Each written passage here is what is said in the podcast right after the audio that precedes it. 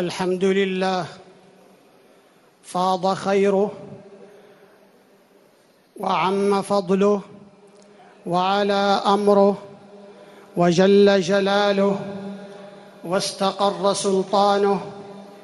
نحمده حمدا لا ينتهي مدا ونشكره شكرا لا ينقضي عدا. بفضله وحفظه نغدو ونروح وشذا آيات كتابه في النفس يفوح ودلائل عظمته في الكون تلوح.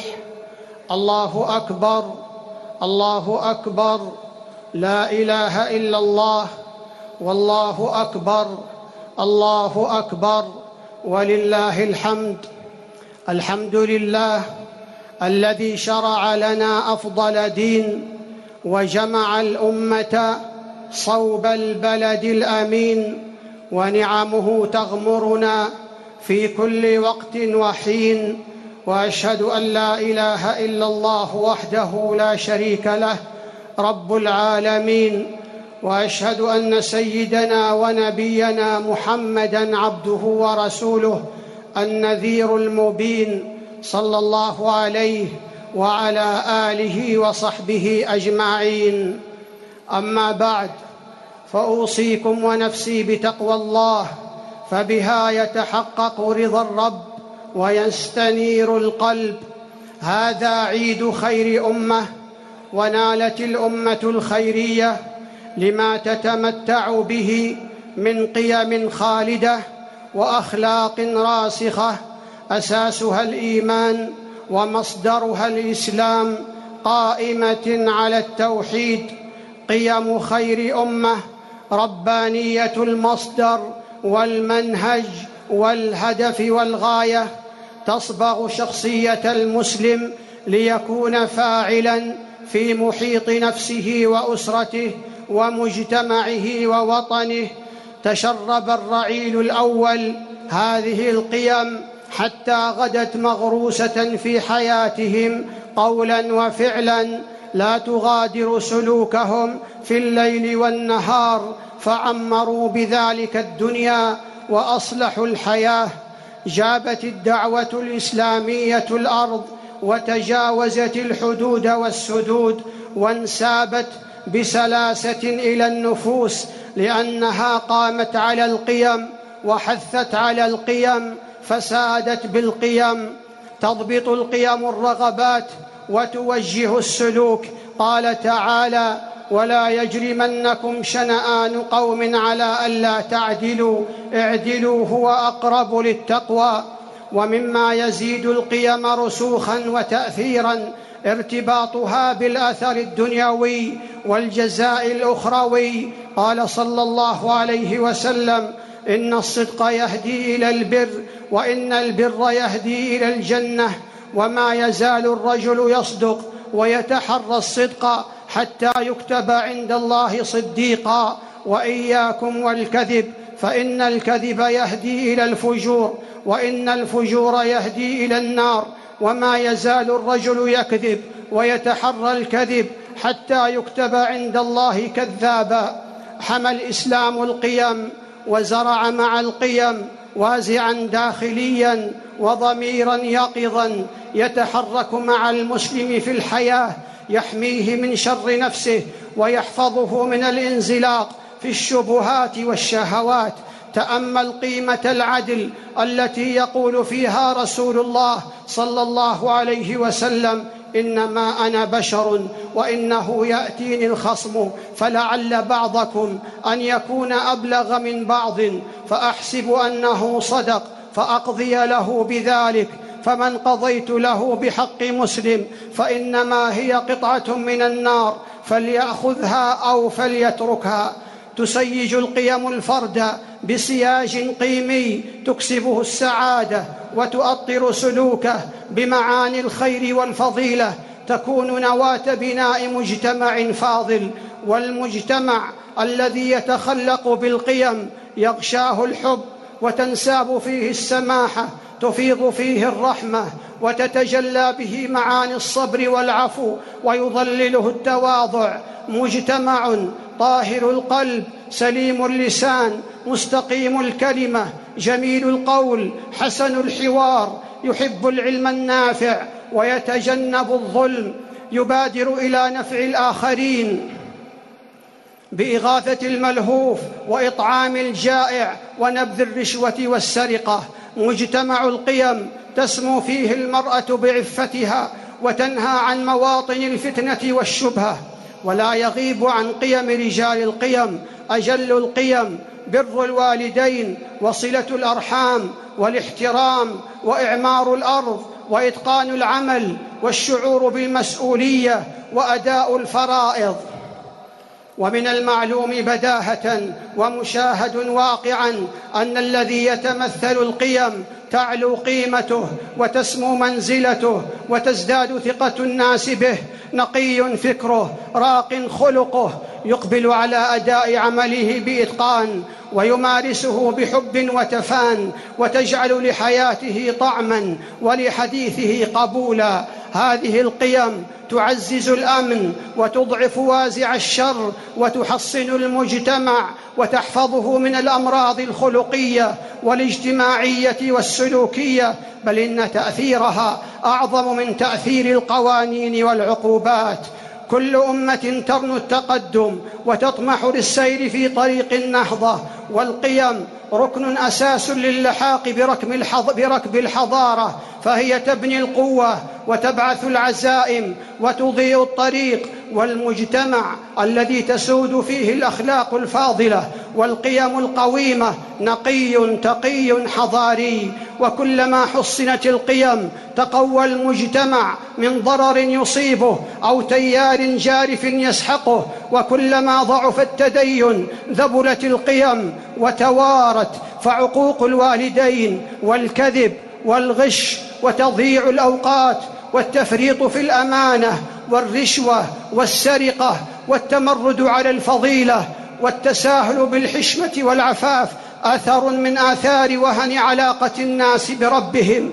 لقد حذر رسول الله صلى الله عليه وسلم من إفلاس المسلم من القيم الذي يفضي إلى الإفلاس الأخروي بقوله أتدرون ما المفلس؟ قالوا المفلس فينا من لا درهم له ولا متاع. فقال إن المفلس من أمتي يأتي يوم القيامة بصلاة وصيام وزكاة ويأتي وقد شتم هذا وقذف هذا وأكل مال هذا وسفك دم هذا وضرب هذا فيعطى هذا من حسناته وهذا من حسناته فإن فنيت حسناته قبل أن يقضى ما عليه أخذ من خطاياهم فطرحت عليه ثم طرح في النار.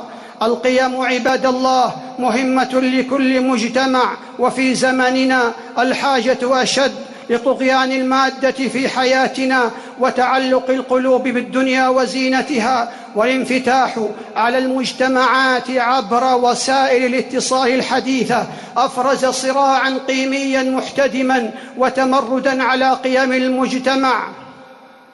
وهذا يحتم على أولي الأحلام والنهى العناية بالقيم بغرسها وإحياء معانيها وتجديد مدلولاتها في محيط الأسرة والمدرسة والمجتمع وعبر كل المؤسسات التي يجب أن تتعاون لنشر القيم كما أن إبراز القدوات الصالحة للأجيال ذو أثر كبير في السلوك وأسرع قبولا وأجل القدوات. رسولنا الكريم صلى الله عليه وسلم. ومن القيم البذل والتضحية من رجال ونساء أوفياء في هذه البلاد المباركة من كل القطاعات وعلى كل المستويات سطروا مواقف في جبين التاريخ لخدمة الحجاج والزوار فلهم منا الدعاء والثناء والتقدير. قال تعالى وما تقدموا لأنفسكم من خير تجدوه عند الله هو خيرا وأعظم أجرا. بارك الله لي ولكم في القرآن العظيم ونفعني وإياكم بما فيه من الآيات والذكر الحكيم. أقول ما تسمعون وأستغفر الله فاستغفروه إنه هو الغفور الرحيم. الحمد لله صاحب الفضل والإحسان أحمده سبحانه بالجوارح والقلب واللسان وأشهد أن لا إله إلا الله وحده لا شريك له العظيم المنان وأشهد أن سيدنا ونبينا محمدا عبده ورسوله أنزل عليه القرآن فبلغه للإنس والجان صلى الله عليه وعلى آله وصحبه ما تعاقب النيران. الله أكبر الله أكبر لا إله إلا الله والله أكبر الله أكبر ولله الحمد. الأضحية من شعائر الله. وهي سنة مؤكدة ويشترط أن تكون من بهيمة الأنعام قد بلغت السن المعتبرة شرعا. فلا تجزئ الأضحية بما دون الثنية من غير الضأن ولا بما دون الجذعه من الضأن. والثني من الإبل ما أتم خمس سنين ومن البقر ما أتم سنتين ومن المعز ما أتم سنة. والجذع من الضأن ما أتم ستة أشهر. ويشترط في الأضحية السلامة من العيوب المانعة من الإجزاء. فلا تجزئ التضحية بالعوراء البين عورها والمريضة البين مرضها والعرجاء البين ضلعها والعجفاء التي لا تنقي ويشترط على المضحي أن ينوي بها التضحية ويبدأ وقت الأضحية بعد صلاة العيد إلى آخر أيام التشريق. تقبل الله ضحاياكم. ويستمر تكبير المقيد أدبار الصلوات إلى عصر آخر أيام التشريق. أيها المسلمون افرحوا بالعيد. والبسوا الجديد بروا آباءكم صلوا أرحامكم أدوا حقوق جيرانكم وكل عام وأنتم بخير. والأمة الإسلامية إلى سؤدد والوطن في ظلال وافرة من الأمن والإيمان. ألا وصلوا عباد الله على رسول الهدى. فقد أمركم الله بذلك في كتابه فقال إن الله وملائكته يصلون على النبي. يا أيها الذين آمنوا صلوا عليه وسلموا تسليما. اللهم صل على محمد وعلى آل محمد كما صليت على إبراهيم وعلى آل إبراهيم إنك حميد مجيد وبارك على محمد وعلى آل محمد كما باركت على إبراهيم وعلى آل إبراهيم إنك حميد مجيد وارض اللهم عن خلفاء الأربعة الراشدين أبي بكر وعمر وعثمان وعلي وعن الآل والصحب الكرام وعنا معهم بعفوك وكرمك وإحسانك يا أرحم الراحمين. اللهم أعز الإسلام والمسلمين اللهم أعز الإسلام والمسلمين وأذل الكفر والكافرين ودمر أعداءك أعداء الدين واجعل اللهم هذا البلد آمنا مطمئنا وسائر بلاد المسلمين. اللهم من أرادنا وأراد بلادنا وأراد الإسلام والمسلمين بسوء فأشغله بنفسه واجعل تدبيره تدميره يا سميع الدعاء. اللهم إنا نسألك الجنة وما قرب إليها من قول وعمل ونعوذ بك من النار وما قرب إليها من قول وعمل. اللهم إنا نسألك من الخير كله